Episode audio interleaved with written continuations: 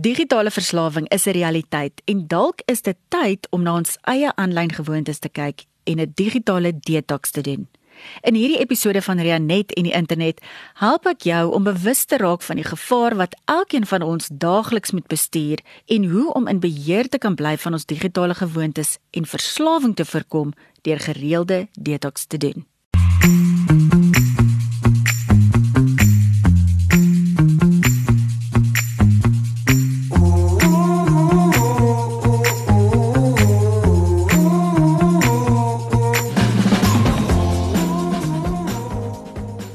Welkom by Rianet en die internet in samewerking met Marula Media.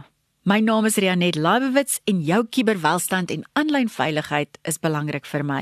Hier kuier ons saam om kuberslim te raak en beheer te neem oor ons digitale gewoontes sodat ons veiliger op die internet kan wees en ons lig helder aanlyn kan skyn. Maar hoekom is dit belangrik om verder te luister? Want ons het ingeligte en verantwoordelike digitale burgers nodig om die internet en sosiale media omgewings 'n veiliger en lekkerder plek te kan maak. En ons het ook kuberslim volwassenes nodig vir al ouers en oumas en oupas om ons jong klomp goeie aanlyn gewoontes te leer en hulle te beskerm teen die slaggate waarin hulle kan trap. Verbeel jou vir 'n oomblik. Ek en jy loop kaalvoet op 'n pragtige strand in die mooi Kaap. Jy voel die sand tussen jou tone en die koel water wat oor jou voete spoel terwyl die wind jou hare so wip wip lig en die son jou herinner jy is in sonnige Suid-Afrika. So stap ek 'n ruk gelede op die strand toe ek tydens 'n besoek aan 'n paar skole vinnige draai op die strand gaan maak. As mens in Johannesburg bly, moet jy dit doen. Jy moet die geleentheid aangryp om die horison en die oseaan te gaan groet. Ek sien toe 'n man en 'n klein dogtertjie wat daar op die strand besig is en sy speel so lekker in die sand en sy kry die mooiste skulpies en sy roep pappa pappa kyk hierdie skulpies ongelukkig hoor ek toe en sien haar pa sê ek's nou by jou terwyl hy na sy selfoon kyk ek stap toe verder en dink by myself wel hy het seker net vinnig iets gekyk hy sal nou by haar wees En soos wat ek 'n hele ruk later terugstap, sien ek die situasie bly dieselfde. Hy is nog steeds besig om na sy selfoon te kyk. Sy dogtertjie het intussen 'n sandkasteel gebou en is besig in haar eie wêreld. En weet jy my hart het op daai oomblik gepyn, want ek het gedink, "Ai, as hy net deel was van die oomblik, as hy net deel was van daai daai geleentheid om in haar wêreld in te klim in steede van die kuberwêreld." Hierdie is episode 3. En in hierdie episode gaan ons oor 'n ernstige tema gesels. Ek wil jou graag bewus maak van die gevaar wat elkeen van ons daagliks moet bestuur. En dit is om in beheer te kan bly van ons digitale gewoontes en verslawing te voorkom. Ek en jy gaan ook meer leer by Brad Huddleston van Amerika wat onder andere die boeke Digital Cocaine en Digital Rehab geskryf het om nog 'n opinie te kry oor hierdie baie belangrike en in 'n mate ontstellende saak. So, Hoekom is hierdie belangrik vir jou en vir my en is dit ooit van toepassing? Want dalk dink jy nou by jouself, ag nee, wat? Dis definitief nie ek nie. Ek is in beheer van my tegnologie.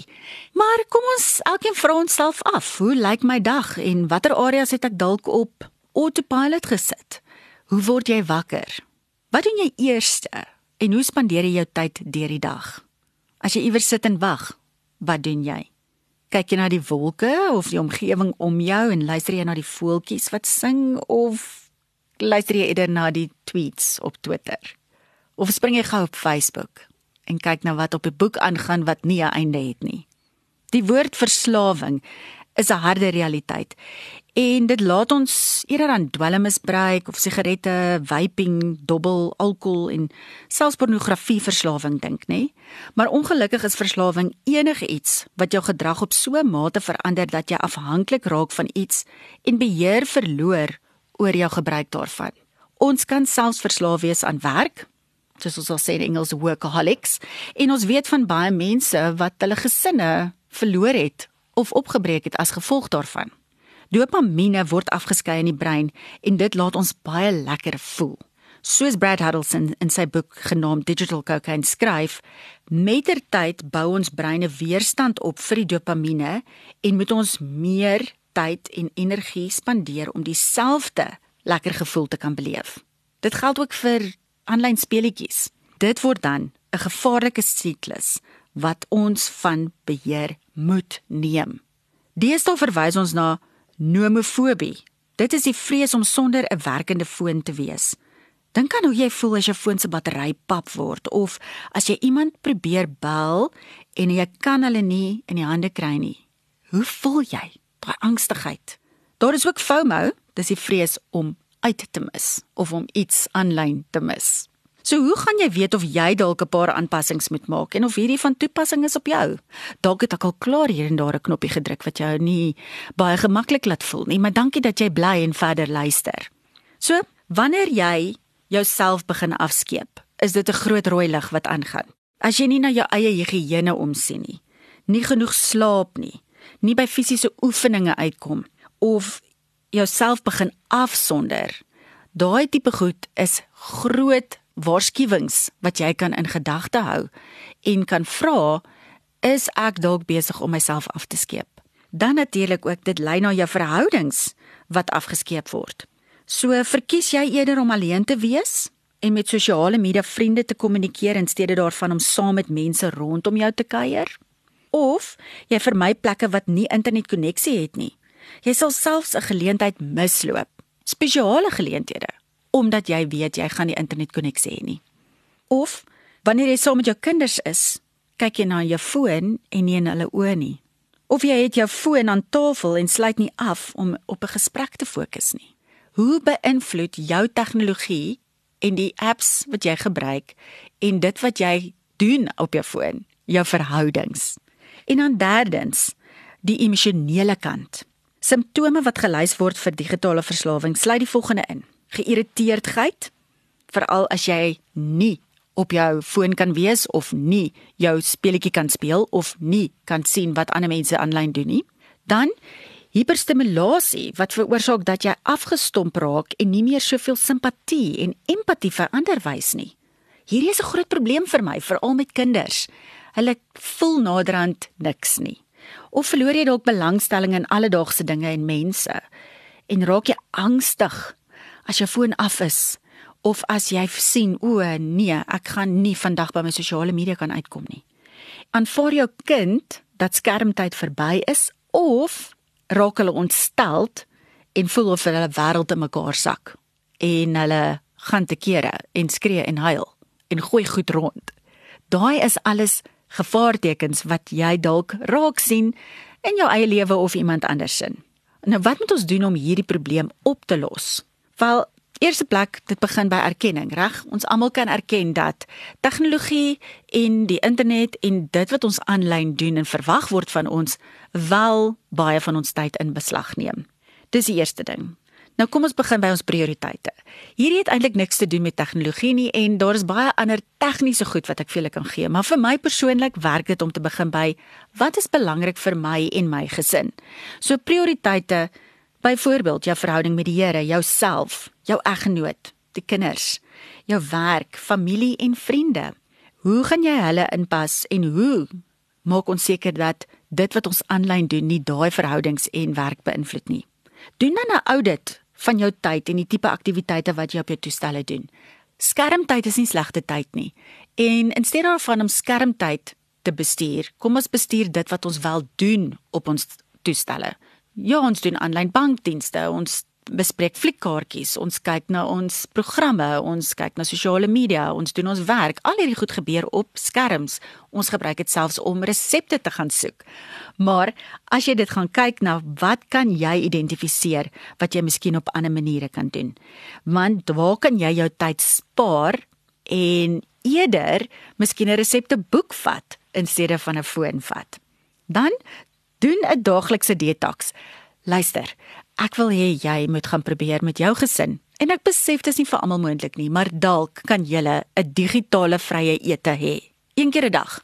Nou in Engels sê ek 'n digital free dinner. En ek weet party mense is dit's nie vir julle moontlik nie, maar vind dan 'n ander tyd. Dalk is dit op pad skool toe of in die kar of iewers waar jy kan kontak maak en 'n gesels, 'n goeie geselskap kan hê met die mense wat vir jou lief is dan sit grense in plek en moenie 24 uur per dag beskikbaar wees nie.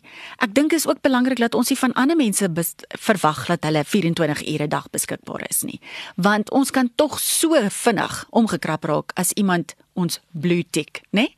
Op WhatsApp. Ons wil hê hulle moet dadelik antwoord. Nee, ons gee vir mense grasie en ons neem in ag dat hulle fone dalk teen 'n sekere tyd van die aand afgesit word. En ons sit dit selfs in ons eie gesinne in plek. Dit werk so lekker om te sê, luister, ek is beskikbaar van 7:30 in die oggend tot 9:30 in die aand en verder as dit gaan ek nie vir jou kan antwoord nie. Maak dit jy maak dit minder vir kinders want hulle het nodig om vroeër in die bed te wees. Dan natuurlik vat jy weeklikse breek. Ag, dit is so lekker om op 'n Saterdag of 'n Sondag 'n paar uur jou foon af te skakel en net in die oomblik te wees. Nou wat gaan jy doen in daai oomblikke? Gaan vat 'n stappie met die hond, gaan lê in die park op 'n kombers, kyk vir die wolke, leer jou kinders om verveeld te wees. Kry daai bordspeletjies. Dink aan al die goed wat ons gedoen het tydens die Grendeltyd. Dit het vir ons 'n hele paar oulike idees gegee. Vakansietye is kosbare tye. O, oh, jy moet dit asseblief benut. Daai oomblikke wat niemand anders weer vir jou kan teruggee nie en die tye saam met ons geliefdes. En dan wil ek vir julle twee goed noem. Een is Public Figure Film. Is 'n film waarin ons gekyk het na dis 'n internasionale dokumentêr wat gaan oor ons praat ons nou van influencers. Hoe hulle sosiale media gebruik as hul werk om mense bewus te maak van sekere goed. En alhoewel dit hulle werk is, kyk ons in hierdie dokumentêr na hoe verslawend dit is vir hulle, maar ook vir ons as mense wat wel hierdie mense volg en hoe ons miskien baie keer onvanpaste verwagtinge het van hierdie mense wat alles op die internet moet deel. En dit is vir my 'n goeie film om net 'n bietjie realiteit te gee van rondom die druk wat daar geplaas word op mense wat wel sosiale media gebruik vir hulle werk en natuurlik ook aan die ander kant die verantwoordelikheid wat mense wat wel 'n influencer is of invloedryk is die verantwoordelikheid wat hulle het om ons reg te lei. En dan is daar ook Kaspersky, het 'n aanlyn spa wat as jy nou nie weg kan kom van jou tafel af nie en jy wil gou-gou 'n breekie vat, dan kan jy by hulle aanlyn spa gaan inloer en 'n paar aktiwiteite doen wat jou laat ontspan. I am so super excited today and honored because I'm speaking to someone I've been looking up to since my safety net journey started and someone that's taught me so much. And this is Brad Huddleston. So, Brad, thank you for joining me today. And all the way from the USA. Brad Huddleston is an internationally respected speaker, consultant, a teacher, and author. And I need to list your books The Dark Side of Technology Restoring Balance in the Digital Age, Digital Cocaine A Journey Towards Balance. And that one I know has been really well received in South Africa. And the latest one, which I have here in my hands tonight, is the Digital Rehab Learning to Live Again in the Real World. Brad, I honor your time and I'm super excited to, be joined by another warrior who's fighting the same cause and battle. So thank you for joining me. Renette, listen, the honor is mine. It was a joy to meet you at UNISA, and I'm happy to serve you in any way that I possibly can. I, I appreciate you and what you're doing and uh, allowing me on your platform. So thank you. I want to just stop and pause for a moment at this new book, Digital Rehab. It focuses on learning to live again in the real world. Why is this book a must read? We have reached a very dangerous point in it where we have mass addiction around the world. I'm not exaggerating. Um, in fact, I'm probably withholding some of the things that I know and see. We are at a literal dangerous, very dangerous point where children have been given the equivalent of cocaine because, as you know, the other book was called Digital Cocaine. And that doesn't come as a metaphor. Those are brain scans that are showing clear addiction, both with digital addiction, liking it to cocaine as well as heroin. And then with pornography, it's a mixture of the two. It's a polydrug effect. So these brain scans are, are very real. And as we see the metaverse coming on, which I'm writing a book about that right now, as soon as I've finished the one that you're holding in your hand, I start actually started the research prior to that. We we're at a place now where addiction is is accelerating at at very very dangerous levels in terms of people's mental health. So the suicide rates are up tremendously. And when you uh, trace that back and the self harm, it's social media in particular is what's causing that. So kids, as you well know, are comparing themselves to other kids, and then they get eating disorders, and then there's the bullying, which they end up some of them with post traumatic stress disorder, and these things are just growing exponentially. So detox is what this book is about. It's it's trying to encourage people to go on a journey where they literally achieve homeostasis in the brain again. And so it's a clinical look at what happens with dopamine levels by age group and all of those sorts of things in order for the brain to reach the, so the chemicals can go back to normal or homeostasis. It's probably the most difficult book I have ever written in terms of trying to get people to actually follow through and do it. What do you think, Brad, is the biggest hurdle for people who realize that digital addiction is a problem and that they need to do something about it, but they just don't take the steps. What do you think is the hurdle? The biggest hurdle is the shame. Anytime someone is addicted, they have to admit it. I think the humility that is required to say, you know what, no matter what this is going to cost me, uh, because you are dealing with an addiction on the same level as cocaine and heroin. And if you've ever dealt with the traditional drugs of heroin or alcoholism, there comes a point when if they don't voluntarily go in to dry themselves out, if they're an alcoholic, say, they'll be forced to do it. They may have cirrhosis of the liver, they may jaundice, they may get to the point where they're forced to do it because they collapse. They mm-hmm. they have convulsions or they have some sort of you know thing go wrong where they're then admitted to the hospital, but and they have no choice. So the goal of the book is secondly the most difficult thing would be to get people to do this ahead of a collapse because with digital addiction it's a mental problem it's not the liver it's not the lungs like smokers, it is a mental condition. And so when people have a mental problem, to admit that is very difficult for people. They don't want to be seen as weak. I understand that. Nobody wants to fess up to being having anxiety disorders and depression and suicidal thoughts, which these are the top symptoms of digital addiction. But until we humble ourselves, you can't be helped. And that's true of any addiction to whatever drug it may be, including, you know, the digital ones. But the good news is there are so many people with compassion around. I mean, look at yourself and the people that we were with at UNISA. Yeah. Any one of those people in leadership, we could easily form a friendship and go, you know what, I need help. And we would instantly have friends.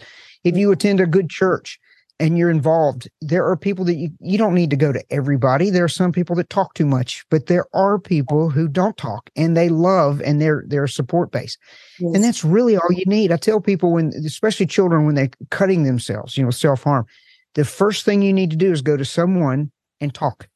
You need to just talk and you need to get these pressures off of you. They'll build back up. But to get people over that hump, to where they will actually make an appointment with the pastor or a friend and just go admit it. That's probably the biggest challenge. But what should families be prepared for when they take on this digital detox journey and um, the rehab challenge? The first thing I would say is don't rush out and do it unless you're in a crisis mode. Okay. If you're approaching the crisis mode, relax and plan. First thing you have to do is plan because it's going to take time and you can't break the fast. You can't sneak and do a little bit. You can't, it takes four to six weeks with no technology at all. So you have to plan this and you may have to, not only in addition to your holiday time that you've accumulated, but if you have any mental health days that you can take, or even just humble yourself and ask the boss for some unpaid leave and accumulate these days because it has to be continu- you know contiguous and um, that is the challenging part is to plan it. If you're in a crisis mode, it's sort of like it doesn't matter, you know, what's going on in your life. If you get a diagnosis, for example, of cancer, you just pause life and deal with it. And there are people, especially gamers, who have these explosive anger things where they'll trash the house. I mean, I, you've probably mm. seen some of the pictures that I've shown of kids that we've dealt with or the police work that I do. I mean, this happens. And in those cases, it doesn't matter what's going on in life. You're going to have to hit the pause button and deal with it. Now, the good news is the brain will respond in four to six weeks. In fact, three weeks, you'll be over, the, usually, you're over the worst of the withdrawals because you're going to have withdrawals. Yeah. So to answer your question, you know, preparation and planning and then sticking to it and doing it as a family would be the thing that I really emphasized in this because in traditional drug rehabilitation, it might be just one kid or adult who gets, you know, hooked on the alcohol or something. And then you can isolate that one person from the home in a detox center. But in this case, the average age, for example, globally of a video gamer is 35 years old. Yeah, that's, that's the average age. Yeah. So there are more dads who game than their children, but where's all the emphasis? It's on the children, but it needs to be on the dad.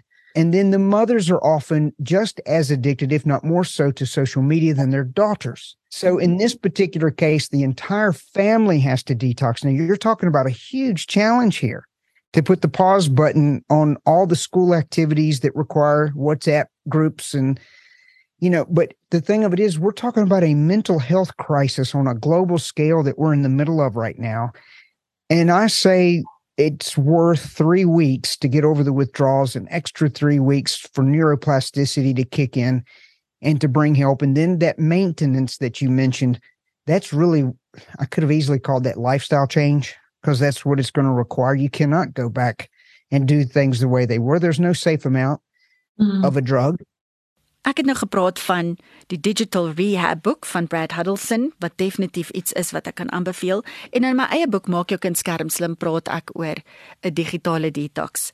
Maar as jy dalk lus is om 'n bietjie meer hierin te gaan en jou gesin te help, wil ek jou aanbeveel om na my digitale detox pakket te kyk wat jou sal lei om na jou aanlyn gewoontes te kyk, praktiese wenke oor aanpassings wat jy kan maak en ook hoe om te beplan vir 2023 om jou digitale welstand en aanlyn veiligheid deel van jou prioriteite te maak.